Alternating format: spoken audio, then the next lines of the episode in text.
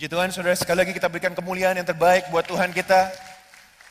Saudara saya akan awali dengan kesaksian. Saudara ingat minggu lalu di sini kita mengadakan uh, doa bareng waktu selesai dari ibadah atau di sebelum doa berkat ada beberapa orang yang didoakan di depan dan ada tiga penyakit yang Tuhan berikan buat bukan berikan Tuhan inspirasi untuk katakan kepada saya sebelum saya menyampaikan khotbah yaitu kista, kanker dan tumor.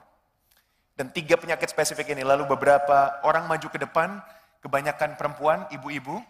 Dan ada kesaksian saudara dari uh, salah satu ibu yang kami doakan di minggu lalu. Uh, ibu ini berkata begini. Slides. Ibu Yosefin, dia memiliki ada kista di dalam ovariumnya. Lalu dia berkata begini, setelah pastor doakan malamnya, badan saya panas dan tidak bisa tidur karena perut saya yang terasa nyeri. Nah ini saudara, jadi ada kista, saudara bisa lihat di sebelah kirinya, itu kista yang cukup besar. Lalu dikatakan paginya, hari Senin, dia memutuskan untuk ke dokter, dan dokter mau memastikan apakah kistanya semakin membesar atau tidak. Setelah di scan, dokter ternyata tidak lagi menemukan kistanya di ovarium saya. Jadi sembuh total saudara, benar-benar sembuh. Saudara ini adalah kesaksian bahwa kalau kita percaya dan kita sepakat di dalam Tuhan, meminta mujizat terjadi, pasti mujizat akan terjadi. Amin. Mungkin saudara tidak mengalami penyakit yang sama. Mungkin saudara mengalami kesulitan dalam ekonomi, kesulitan dalam keluarga. Apa pun yang saudara perlukan di tahun ini, mujizat apa pun yang saudara perlukan di tahun ini. Percaya, kalau Tuhan bersama dengan kita, kemenangan sudah ada bagi kita. Yang percaya katakan amin. Saudara, hari ini saya akan ber, uh, berbicara mengenai anointing atau urapan. Tuhan mau kita menang bukan hanya atas penyakit, tapi atas semua masalah dalam kehidupan kita. Tapi kita tidak bisa menang sendiri tanpa Tuhan, kita perlu urapan Tuhan. Di Mazmur 20 ayat yang ketujuh, Daud di masa tuanya, waktu dia mulai menulis pujian-pujian bagi Tuhan, dia berkata begini, sekarang aku tahu bahwa Tuhan memberi kemenangan kepada orang yang diurapinya dan menjawabnya dari surga yang kudus dengan kemenangan yang gilang gemilang oleh tangan kanannya.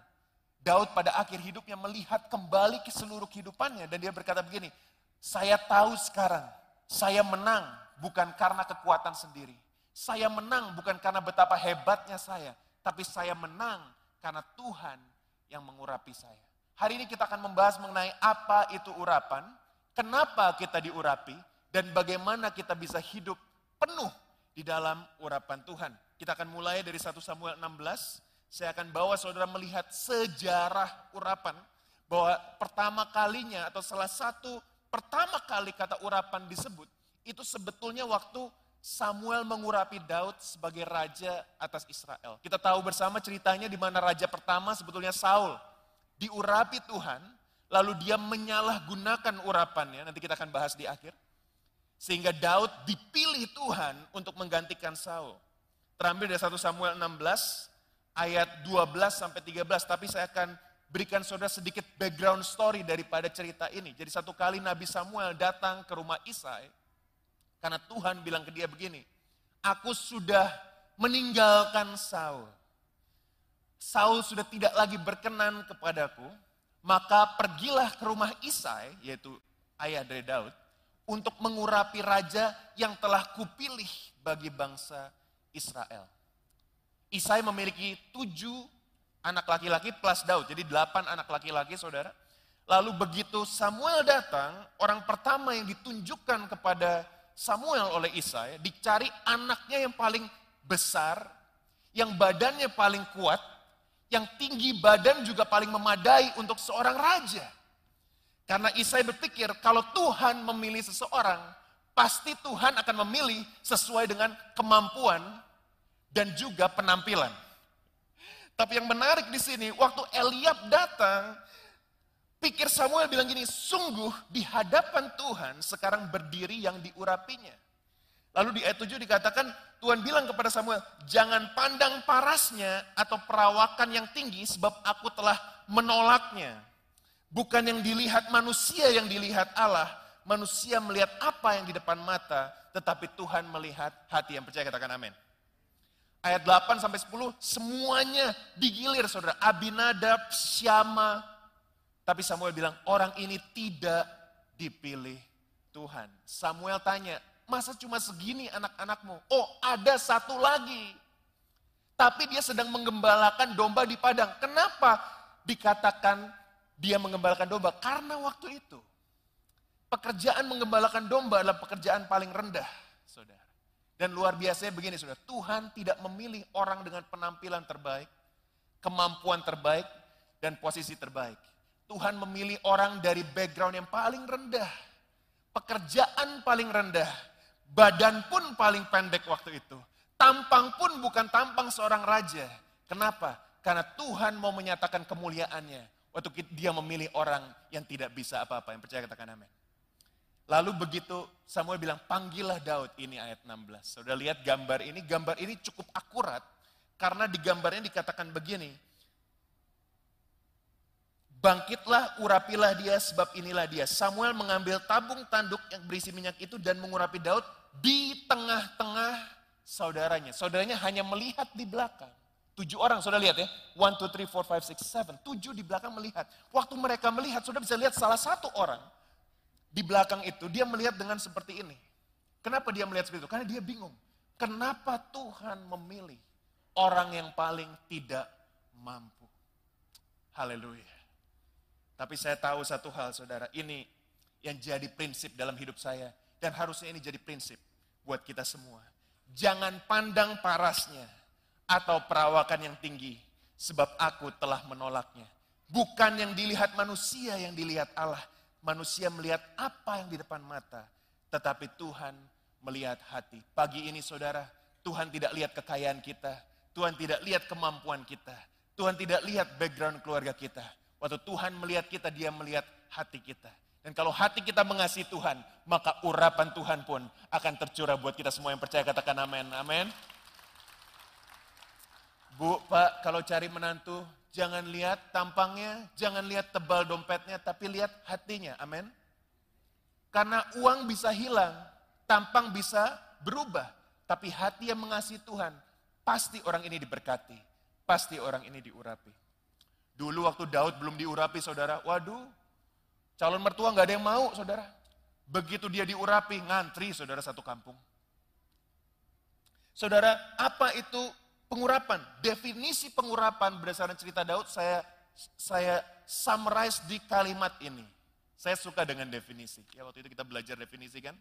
Kasih sama nafsu bedanya apa? Ingat, upaya menyenangkan orang lain dengan mengorbankan diri sendiri karena kasih selalu memberi. Ini saya kasih cerita atau definisi dari pengurapan. Apa itu pengurapan? Karena sering kali orang bilang, wah orang itu sangat diurapi.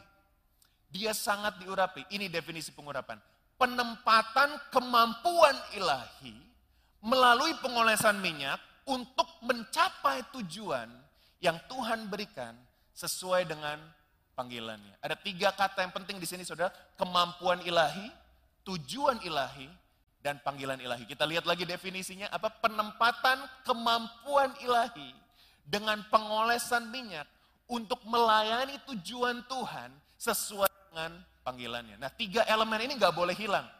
Karena kalau kita hanya bicara pengolesan minyak, wah kita akan kehilangan maknanya. Ada seorang bapak-bapak, dia beli mobil baru, lalu dia bilang ke saya, Pastor, ini, lo apa ini? Mobilnya kok kacanya uh, burem. Ternyata kacanya dikasih minyak urapan semua saudara. Saya bilang, Pak ini kalau kaca buram walaupun minyak urapan nabrak pasti. Karena dia pikir minyak urapan bisa melindungi mobil. Nah nanti kita bahas ya, apa itu tujuan Tuhan. Oke, yang pertama adalah kemampuan ilahi, an ability from the Lord. Nah saudara, kemampuan ilahi ini sangat penting karena waktu Daud selesai diurapi firman Tuhan berkata, mulai hari itu berkuasalah roh Tuhan atas Daud. Yang terjadi hari itu saudara, begitu Daud diurapi, dia mulai menang. Saudara ingat cerita pertama di 1 Samuel 16, Daud diurapi. Musuh pertamanya siapa saudara? Goliat langsung. Sebelum dia diurapi musuhnya singa dan beruang. Kerjanya penggembala domba. Setelah diurapi, naik pangkat. Dia menjadi pemain kecapi. The court musician. Jadi pemain kecapi buat Saul. Dekat dengan raja. Posisinya naik dan juga kemampuan naik. Saya percaya saudara, kalau kita diurapi oleh Tuhan dan roh Tuhan berkuasa atas kita, posisi kita naik, kemampuan kita naik. Yang percaya katakan amin. Yakin? Lebih keras lagi dong kemuliaan buat Tuhan kalau yakin, amin. Posisi naik, kemampuan naik. Tadinya lawan singa, wah dia bilang amin itu. Tadinya lawan singa, sekarang lawan Goliat.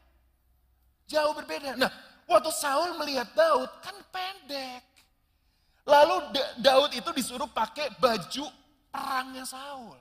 Haleluya. Pakai baju perang, gak muat, kegedean saudara. Lalu Daud bilang, udah deh gak usah pakai baju perang. Wow, gak pakai baju perang saudara. Dan ini pelajaran yang menarik loh, kenapa? Urapan saya dengan urapan saudara beda. Bukan siapa lebih besar, siapa lebih kecil. Saudara tidak bisa meniru urapan orang lain. Amin. Baju perang orang lain jangan kita pakai. Itu bagiannya Saul. Daud tanpa baju perang. Lalu bilang, kamu gak mungkin menang. Sebab kamu masih muda, sedangkan Goliat sejak muda sudah menjadi prajurit. Pengalaman kalah. Saudara nge kerja, bikin resume, bikin CV, pengalaman kalah. Kualifikasi kalah, seperti Daud lawan Goliat. Semuanya kalah. Lalu Daud bilang gini ke Goliat. Goliat ngejek-ngejek Daud, wah kamu gak bisa apa-apa, you cannot do anything, you're not qualified, you're not worthy. Daud bilang gini ayat selanjutnya, engkau mendatangi aku dengan pedang dan tombak dan lembing. Haleluya. Tapi aku mendatangi engkau dengan nama Tuhan semesta alam, Allah segala barisan Israel yang kau tantang itu. Kalau saudara sudah diurapi Tuhan, Jangan mengandalkan kekuatan sendiri, karena kekuatan sendiri nggak mungkin menang, saudara. Amin. Tapi kalau saudara diurapi Tuhan, waktu saudara mengalami masalah yang besar, saudara bisa doa gini, Tuhan, kemampuanku tidak akan bisa menyelesaikan masalah ini. Kualifikasiku tidak akan bisa membuat aku dapat pekerjaan ini. Pengalamanku tidak cukup untuk aku bisa di posisi ini. Tapi kalau Tuhan yang berkehendak dan Tuhan yang mengurapi, Daud bisa kalahkan Goliat. Saudara dan saya, kita bisa kalahkan raksasa-raksasa dalam kehidupan kita, saudara. Amin. Haleluya. Lalu ada saya punya kalimat begini, saudara. Saya kadang mikir loh. Raja pertama Saul begitu gagah, begitu hebat suku Benyamin. Diurapi, tapi mengkhianati Tuhan. Daud badannya kecil, kerjanya gembala domba Gak punya kualifikasi, gak punya pengalaman, gak punya kekuatan seperti Saul. Tapi hidupnya setia sampai akhir. Saya kadang-kadang mikir waktu saya baca Alkitab. Semakin lama saya baca, semakin saya lihat begini. Trennya Tuhan dari kejadian sampai wahyu. Semakin ke sini nih saudara ya. Tuhan semakin melakukan ini. Tuhan sengaja memilih orang dengan kemampuan yang biasa-biasa. Supaya urapannya memampukan orang tersebut menjadi luar biasa. Saudara tahu waktu Tuhan pilih murid-murid? Ahli Taurat, orang Farisi, S1, S2 teologi, gak ada yang laku loh saudara. Tahu nggak yang laku siapa? Pemungut cukai Matius, orang berdosa. Tahu nggak yang laku siapa saudara? Tiba-tiba dapat inspirasi pewahyuan dari Tuhan. Saudara ingat gak? Satu kali Tuhan bilang gini, ada pemungut cukai yang kalau mempersembahkan persembahan kepada Tuhan atau ke rumah Tuhan, dia memukul-mukul dadanya. Terus bilang, ampunilah aku orang berdosa. Ingat gak saudara ceritanya gitu? Tahu gak? Saya pikir ya, jangan-jangan dia bicara soal Matius. Dia pemungut cukai yang berdosa. Dia orang gak punya kualifikasi teologi, S1 pun gak ada di bidang teologi. Orang paling gak layak untuk melayani Tuhan. Karena zaman itu pemungut cukai, itu korupsi saudara pajak diambil dari bangsa Israel, diberikan kepada Romawi penjajahan kan. Dan juga mereka harus ambil untuk memuaskan beberapa pemerintah-pemerintah di atasnya. Sehingga waktu pemungut cukai Matius ini dipanggil, semua orang bilang, kok dia? Seperti saudara Daud, kenapa dia? Saudara, Tuhan sengaja memilih orang yang paling tidak layak untuk diurapi. Supaya kalau dia berhasil orang tahu, bukan kuat, bukan gagah, tapi oleh roh Tuhan. Demikian juga saudara dan saya. Jangan bilang, aduh saya harus mampu untuk bisa diurapi. Bukan.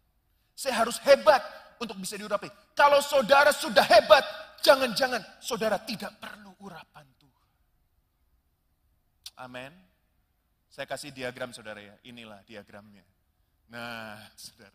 Lihat yang warna biru muda sama biru tua. Apa itu biru muda? Kekuatan manusia. Yang biru tua kekuatan Tuhan. Orang sebelah kiri tidak diurapi, tapi dia itu sudah 60 levelnya. Jadi dia memang sudah punya kemampuan. Ada beberapa orang jenius saudara ya, jadi dari lahir dia memang IQ-nya tinggi sekali.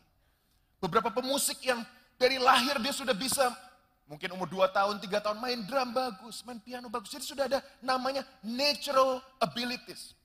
Kalau saudara sudah punya kemampuan yang hebat, saudara tidak perlu urapan. Betul, betul.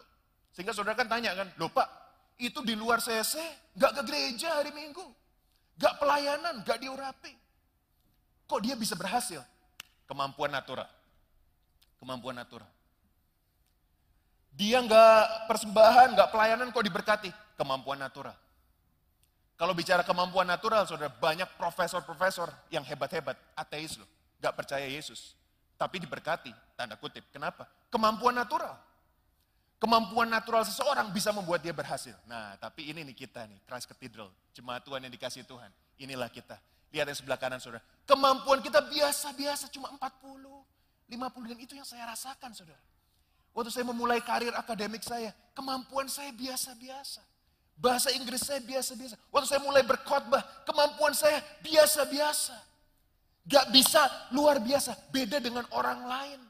Waduh, itu namanya orang yang jago ngomong, saudara, yang namanya salesperson. Jualan apa pun laku loh, saudara. Jual minyak goreng, minyak babi, Bahkan dia jualan bekicot pun laku. Bekicot saudara, dulu kan ada zaman itu, bekicot apa itu? Ladang itu loh, gak tahu saudara. Oh, saudara tahunya Alkitab dan firman Tuhan lah, gak apa-apa. Jual apa pun bisa loh dia, sales, waduh jago ngomong. Saya kadang kalau lihat orang yang jago ngomong, waduh Tuhan, kok saya nggak seperti dia? Tuhan selalu ingatin. Kemampuan kita biasa-biasa, justru kita perlu Tuhan. Tuhan, aku perlu urapan. Kenapa? urapan Tuhan akan melipat kali gandakan kemampuan kita yang percaya katakan amin berikan kemuliaan buat Tuhan amin saya saksikan saya saksikan saudara orang bilang oh pastor pastor ngajarnya bagus. Saya ngajar biasa aja saudara. Biasa aja. Tapi saya selalu mau mengembangkan kemampuan. Tahun lalu ada award di university. Teaching award di satu Macquarie University. Saya apply lah. Ya siapa tahu kan. Lalu saya dinominasi oleh faculty of business untuk mewakili seluruh business school, kita kompetisi lawan engineering, lawan education, lawan health. Jadi ada finalis-finalis lain. Dipanggil ke depan, disebut semua namanya. Saya maju ke depan, ada tiga orang, saya ada profesor lain, profesor lain. Untuk mendapatkan award. Waduh saudara, waktu saya maju ke depan saya lihat kompetitor kan. Saya udah siap-siap kalah aja. Itu kayak Indonesia lawan Brazil sepak bola. Kalau bulu tangkis menang. Itu kayak Indonesia lawan Brazil sepak bola. Itu kalau sudah mau masuk lapangan, begitu lihat orang Brazil, Neymar gitu, ah bye-bye deh, udah, udah selesai. Gitu ya. Itu kayak saudara judo, sabuk hitam melawan sabuk kuning gitu. Waduh, gak mungkin menang lah yang kuning. Jadi waktu saya dipanggil naik, Riza kasih saya udah bilang, ya udahlah gue pasrah aja. Yang penting gue foto-foto dulu lah, ya kan, ada fotonya. Jadi finalis aja udah bangga. Gak ngarepin menang saudara. Kenapa? Yang lain kompetitor itu skillnya di atas saya. Kemampuan di atas saya. 80, 100, wah hebat lah udah. Saudara itu ada satu profesor. YouTube channel viewernya satu juta. Saya 200. Jemaat lagi. Ini karena YouTube channelnya bukan khotbah. Kalau khotbah ya ratusan ribu. Saudara. Tapi ini YouTube channel education kan. Waduh terkenal kok dia. Profesor engineering. Terkenal sekali. Waduh saya udah udah siap-siap kalah aja. Teman saya juga ngasih ngevideo kan. Teman saya tuh ngevideo gitu loh. Wah nih kalah nih. Teman saya itu ngezoom muka saya pengen tahu muka kekalahan saya seperti apa saudara. Bayangkan. Dia udah siap-siap, kalah nih. Enggak apa-apa lah business school. Enggak mungkin menang lawan engineering. Bisnis belajar apa? Marketing adalah bla bla bla. Engineering kita mengkombinasi antara fisika dengan kimia. Wah keren banget saudara. Penjelasan dia di Youtube itu yang nge-like banyak sekali. Udahlah kalah, udah pasti kalah. Tiba-tiba diumumkan, the winner is Riza Kasidi. Itu satu stadium bengong. So. Hah? Lah yang menang kok orang Indo iki loh. Enggak ada orang Jawa di sini ya. Yang menang kok Indonesia. Lah yang ini kok enggak menang. Begitu nama saya disebut sudah. Jangan kata yang nonton. Saya aja shock loh. Hah, gua menang. Cubit-cubit mimpi jangan-jangan. Terus benar-benar menang. Waktu saya duduk, teman bilang, bro, gua nggak nyangka lu menang. Sorry bro ya, bukan meremehkan, tapi merendahkan. Terus saya bilang ke teman saya yang Kristen, bro, not by might, not by power, but by the Spirit of the Lord. Saudara punya kemampuan segini, kena urapan. Waduh, lipat kali ganda. Saya mau semua katakan kata lipat kali ganda dalam hitungan satu, dua, tiga. Lipat kali ganda. Sekali lagi, lipat kali ganda, lipat kali ganda. Yang percaya kemampuan kita lipat kali ganda kalau diurapi kita berikan kemuliaan buat Tuhan kita. Amin. Ada tapinya, jangan senang dulu. Nanti saudara ini, oh by the way, nanti selesai ibadah, kita doa berkat, nanti saudara akan terima uh, urapan baru dari Tuhan. Amin. Pastors akan mendoakan saudara sudah siap dengan minyak urapan. Tapi saudara jangan mikir, waduh hari ini aku diurapi lipat kali ganda. Nilaiku 6, besok 10. Kalau nggak belajar tetap nol saudara. Ada loh, oh saudara nggak percaya. Satu kali anak Surabaya, sekolah di Australia, dia mau ujian di Monash. Bukannya belajar, dia malah terbang kembali ke Surabaya. Karena, sebut merek nggak Pak? Sebut ya. Sebutlah, nanti di-cut gak apa-apa. Karena Gak deh, gak sebut merek deh. Pendeta terkenal dari Amerika waktu itu yang biasa kesembuhan. Langsung mikir nama kan. Datang ke Surabaya di stadium. Dia datang untuk diurapi sama pendeta ini. Wah diurapi lah, diolesin kan. Bukan hanya satu olesan saudara. Hampir setengah botol minyak habis buat dia. Saya sampai bilang, bro lu gak usah beli minyak rambut lagi, udah cukup setahun. Diurapi sama pendeta terbesar waktu itu, zaman itu 2000. Tuh, Sembilan. Saya ingat banget waktu itu saya kan lagi sakit kaki saya, dia cerita, operasi waktu itu. Dia cerita, iya bro, aku didoain. Tahu nggak saudara, dia nggak belajar, diurapi tapi nggak belajar kan. Sampai ke Uni, ujian, tiga subjek, tiga-tiganya gagal semua. Bisa-bisanya dia bilang gini, sekarang gua sudah nggak percaya dengan urapan Tuhan. Hah, yang disalahin urapannya saudara. Lah harusnya yang disalahin Otaknya sendiri, betul nggak saudara? Karena dia nggak belajar kan. Saudara kalau nggak belajar, mau hari ini saya kasih satu galon urapan, tetap besok gagal, pasti. Saudara. Dibandingin orang di luar gereja yang belajar, udah pasti kalah. Tapi kalau saudara belajar dengan luar biasa, kerja keras, dan diurapi, maka kemampuanmu seperti Daniel, Sadak, Mesak, Abednego yang melebihi dunia ini, amin. Makanya kalau khotbah urapan saya hobi banget, mengalami. Nah coba sudah, tetapi harus sesuai dengan panggilan. Next slide. Nah, saudara sudah lihat ini? Ini kalau sudah lihat box hitam ini, sudah bisa mengalokasikan diri sendiri. Ada misalnya Pak Yohanes di sini, jago banget main bassnya. Tadi pemain bass kita, dia itu profesional, saudara. Pemain bass kita itu lulusan Institut Musik Indonesia. Di sini profesional semua, saudara. Ya profesional. Bahkan Asyar, saudara, itu lulusan S1 host. Enggak lah, bercanda. Itu benar-benar kalau main bass, Kak Yohanes itu udah merem aja udah, wah udah bagus. Udah bagus banget. Nah, karena dia bagiannya di dalam arts dan musician sebagai pemusik. Itu urapan pemusik udah dari zaman Daud sudah ada pemusik loh. Diurapi khusus untuk musik. Kalau beliau berkhotbah, belum tentu khotbahnya bisa maksimal. Walaupun diurapi. Kenapa? Karena panggilannya arts. Mengerti saudara ya? Wah Bapak Ibu di sini yang punya toko, punya bisnis, punya salon, punya bengkel. Saudara punya urapan businessman. Amin. Saya salah ngomong businessman. Karena sekarang banyak businessman dan businesswomen, jadi saya bilang business people. ya. Ada orang jemaat loh, kita lagi main bola, dia bilang, Pastor, kapan-kapan doain ya salon saya. Loh, lu punya salon? Iya. Berapa salonnya? Dua, berkembang. Aku tanya ke dia, lah kamu bisa potong rambut? Gak bisa.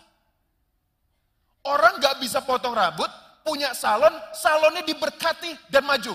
Urapan, saudara. Amin. Tapi saudara jangan nekat, oke besok saya buka restoran. Kalau bukan panggilan gak akan laku.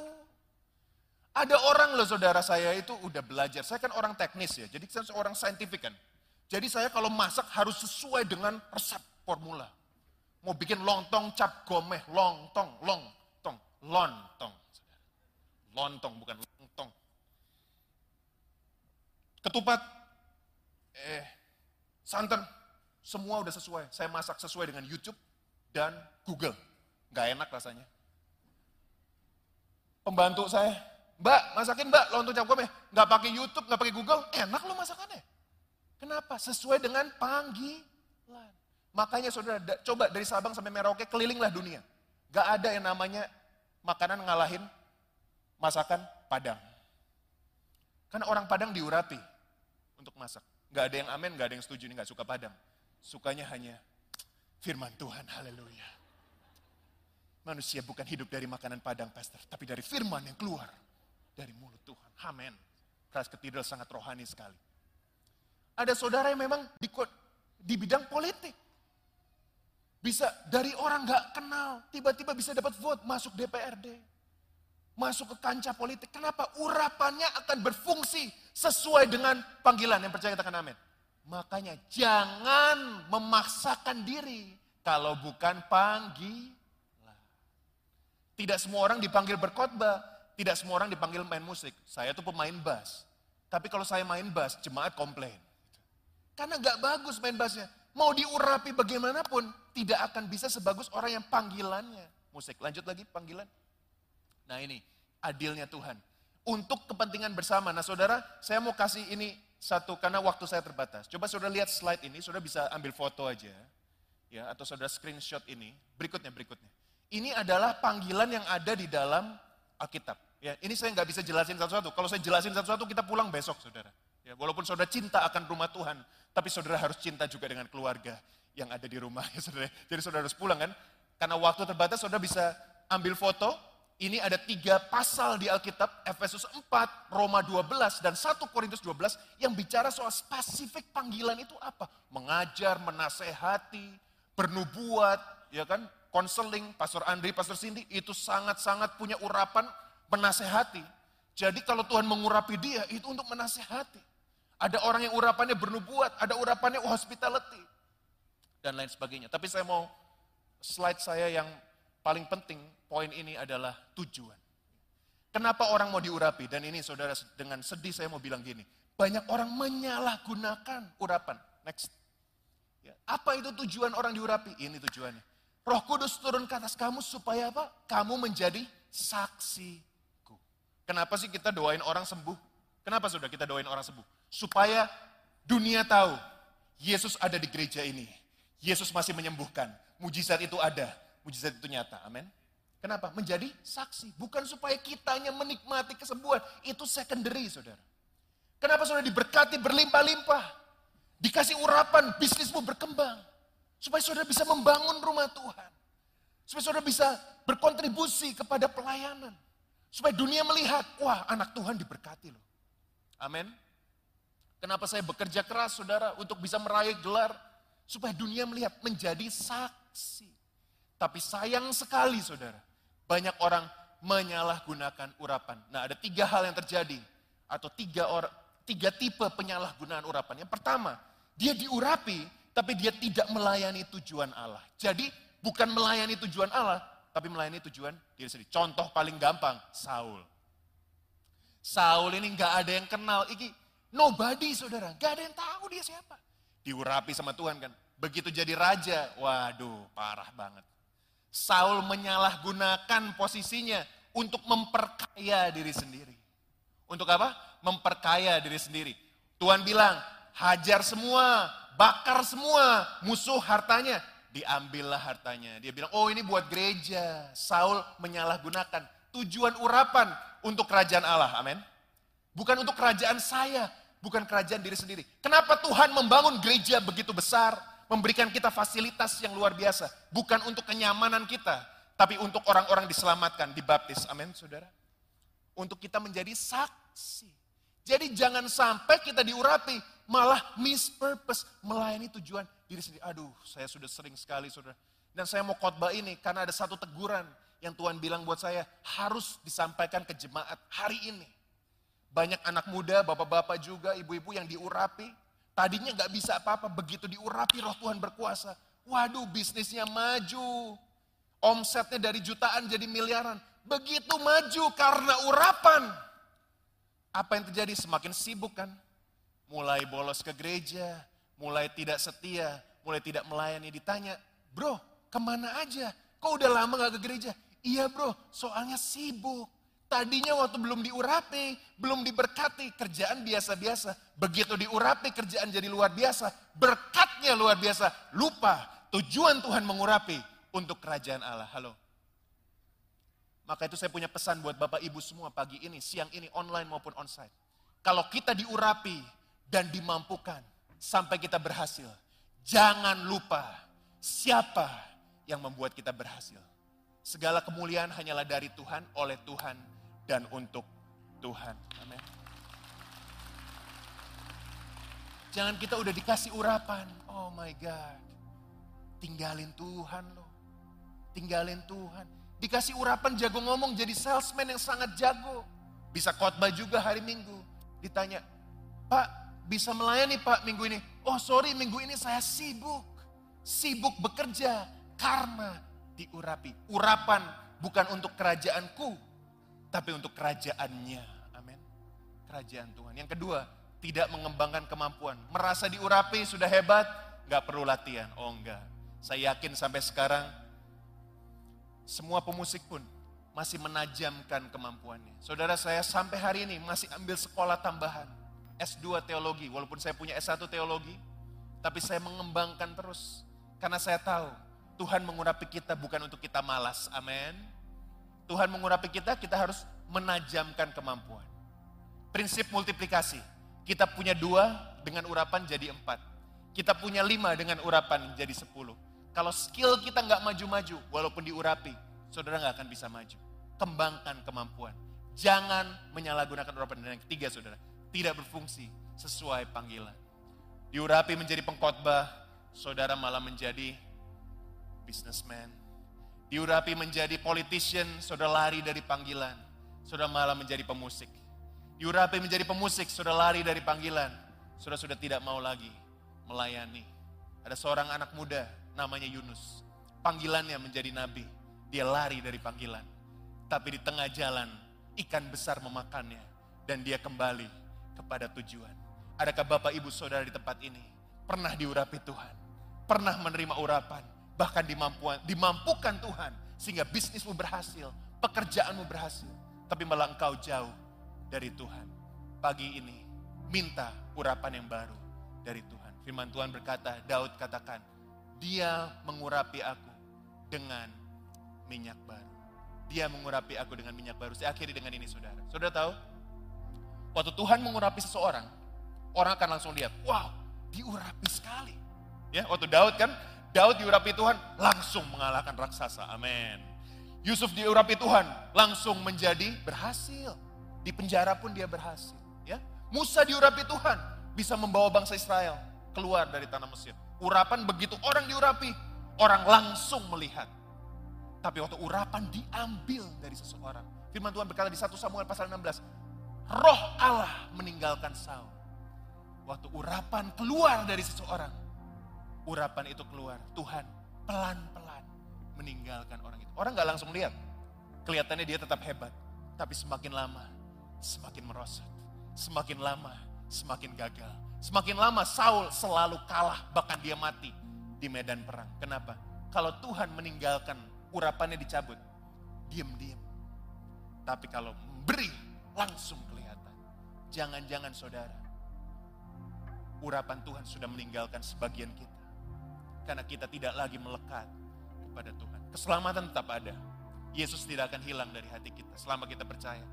Tapi urapan Tuhan bisa hilang kalau kita mendukakan dia. Seperti Saul yang mendukakan Tuhan. Saudara, jemaat Tuhan, percaya satu hal. Kita tidak akan bisa hidup tanpa urapan Tuhan.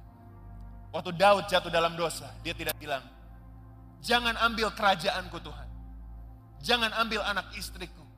Jangan ambil hartaku. Jangan ambil kemampuanku. Daud cuma bilang satu hal. Jangan ambil rohmu dariku. Karena bagi Daud, roh Tuhan yang paling berkuasa, roh Tuhan yang paling berharga, urapan Tuhan yang mampukan dia, itu hal yang paling berharga dalam kehidupan Daud. Apakah dalam kehidupan saudara, urapan Tuhan yang paling berharga? Kalau urapan Tuhan yang paling berharga, mari pagi ini minta urapan baru dari Tuhan. Saya percaya Tuhan tidak hanya mengurapi saudara untuk berhasil di marketplace. Tuhan mengurapi saudara untuk menjadi saksi sehingga seisi keluargamu, kotamu, bangsa ini, negara ini bisa mengenal Tuhan dan nama Tuhan dipermuliakan. Yang percaya katakan, Mari kita bangkit berdiri sama-sama. Urapilah kami dengan minyak baru penuhilah kami dengan hadirat katakan kami rindu Tuhan melihat kuasamu.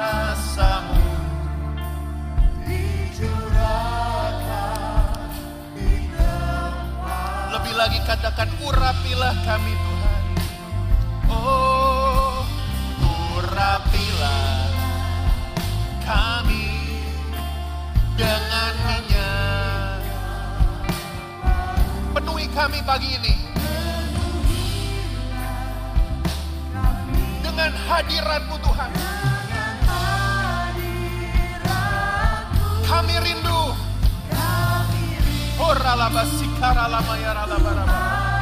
Oh melihat. Minta lebih lagi minta lebih lagi pagi ini kami perlu engkau mampukan kami Tuhan. Urapi kami. Oralamasikara barabaraba online maupun onsite sama-sama katakan urapilah. Urapilah. Kami dengan minyak baru penuhi kami Tuhan. Ramai sikara labara-bara-bara dengan hadiratmu kami rindu. Wow.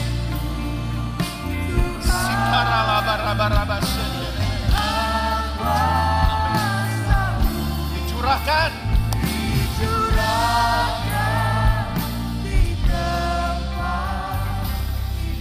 Saya merasakan kuasa Tuhan yang luar biasa di tempat ini saudara. Dia siap mengurapimu dengan urapan yang baru. Tapi saya akan tidak tidak akan lewatkan momen ini sebelum saya memberikan kesempatan kepada saudara di tempat ini yang belum pernah menerima Yesus sebagai Tuhan dan Juru Selamat. Lampu bisa redupkan sedikit online maupun onsite. Saya punya satu pertanyaan penting buat hidup saudara. Apakah saudara sudah menerima Yesus sebagai Tuhan dan Juru Selamat dalam hatimu? Apakah Yesus ada di hatimu? Mungkin kau Kristen, mungkin kau bukan Kristen, mungkin kau tahu siapa itu Yesus, tapi kau tidak kenal siapa dia. Jangan takut saudara. Mungkin kau tidak kenal dia, tapi dia mengenalmu. Dan dia ada di tempat ini. Maukah saudara yang belum pernah menerima Yesus sebagai Tuhan dan Juru Selamat, hari ini mengambil keputusan untuk menerima dia. Sehingga engkau tidak binasa, melainkan beroleh hidup yang kekal. Supaya engkau menerima keselamatan yang kekal. Kalau saudara mau menerima Yesus sebelum kita doa urapan, angkat tangan di tempat hitungan ketiga tanpa maju ke depan. Saya akan berdoa buat saudara, online maupun onsite. Saya akan hitung sampai tiga. Angkat tangan, supaya engkau menerima Yesus sebagai Tuhan Juru Selamat. Saudara siap? Satu, Tuhan Yesus mengasihimu. Dua, dia mati bagimu supaya kau tidak binasa, melainkan beroleh hidup yang kekal. Kalau engkau mau menerima dia sebagai Tuhan dan Juru Selamat, mari angkat tangan saat ini juga itu hari tiga. Satu, dua, tiga. Terima kasih, God bless you. Saya lihat di atas. Thank you, bless you, bless you, bless you. Online, ada lagi. God bless you. Lebih tinggi lagi, thank you. If you are not sure, kalau sudah nggak yakin, angkat tangan. Saudara, terima kasih, saya lihat di depan. God bless you, saya akan hitung sampai tiga, satu. Ada lagi, dua. Thank you. Yang sudah angkat tangan, ucapkan doa ini online maupun onsite. Ucapkan doa ini bersama dengan saya. Bunga bisa bantu saya berdoa. Tuhan Yesus, Tuhan Yesus, hari ini hari ini aku menerima Engkau aku menerima Engkau sebagai Tuhan sebagai Tuhan dan Juru dan Selamat Juru Selamat dalam hidupku. dalam hidupku. Jadilah Raja Jadilah Raja atas hidupku. atas hidupku. Hidupku tidak sama lagi Hidupku tidak sama lagi karena Tuhan Yesus ada dalamku. karena Tuhan Yesus ada dalamku. Selamanya kau Tuhanku, Selamanya kau Tuhan, selamanya kau Rajaku. selamanya kau Di Raja. dalam nama Yesus. Dalam nama Yesus. Aku berdoa, turunkan tangan saudara. Kita berikan kemuliaan buat Tuhan, saudara. Buat saudara yang baru menerima Tuhan Yesus sebagai Tuhan dan Juru Selamat. Selamat datang di keluarga Tuhan. Gereja menyediakan resources. Bisa ambil di information counter buku next step, saudara. Dan juga ada baptisan air di, hari Paskah. Saudara, ada baptisan air di hari Paskah bisa ditampilkan. Saudara bisa scan QR code buat register. Datang ke counter baptisan. Jangan lewatkan momen ini. Di gereja ini, Paskah dan Natal. Kita kita lakukan baptisan air karena itu momen kita menerima hidup baru dari Tuhan. Sekali lagi kita berikan kemuliaan buat Tuhan. Selamat datang di keluarga Tuhan. Alright. Now this is what we're gonna do. Kita akan semuanya, Saya minta pastors bisa standby di posisi masing-masing. Semuanya hari ini saya undang untuk kita menerima urapan baru dari Tuhan. Minyak ini, minyak olesan ini saudara, biblical di perjanjian lama, perjanjian baru. Ketika orang sakit urapan, minyak minyak urapan diberikan. Ketika orang mau menerima urapan baru, minyak urapan diberikan. Alright? Jadi saya akan, ini yang akan saya lakukan. Kita semua akan doa dulu. Saya akan tutup dulu ibadah. Supaya saudara yang mau pulang bisa pulang, kita akan terima berkat Tuhan. Tapi kalau saudara rindu menerima urapan baru, saudara nanti maju ke depan, host, nanti maju ke depan alurnya dari sebelah sini, dari sebelah sini, dari dua sisi ya, lalu kembali lewat situ. Alright, nanti host akan membantu setiap baris supaya semuanya rapi. Tapi kita mau akhiri dulu, supaya kalau saudara perlu pulang, saudara pulang. Kalau saudara rindu menerima urapan baru, kita akan didoakan oleh pastors. Kita akan terima urapan baru dari Tuhan. Memampukan kita, amin. Mari angkat tanganmu dan terimalah berkat Tuhan. Oh rabaya sikaralah. Kami bersyukur Tuhan buat urapan yang Tuhan kau sudah sediakan di tempat ini. Urapan ini adalah kemampuan ilahi, menempatkan kemampuan ilahi untuk kami bisa melakukan tugas kami sesuai dengan tujuan dan panggilan Tuhan. Kami berdoa Tuhan pada pagi ini kemampuan ilahi, tujuan ilahi dan panggilan ilahi supaya semakin nyata dalam hidup kami. Kiranya berkat rahmat dari Allah Bapa, kasih karunia Putra Tunggal Allah Tuhan Yesus Kristus dan persekutuan daripada Roh yang Kudus menyertai kehidupan kita semua mulai hari ini sampai Yesus datang yang kedua kali di dalam berkat nama Tuhan Yesus Kristus. Semua yang diurapi Tuhan katakan, Amin. God bless you. Silakan saudara yang rindu didoakan.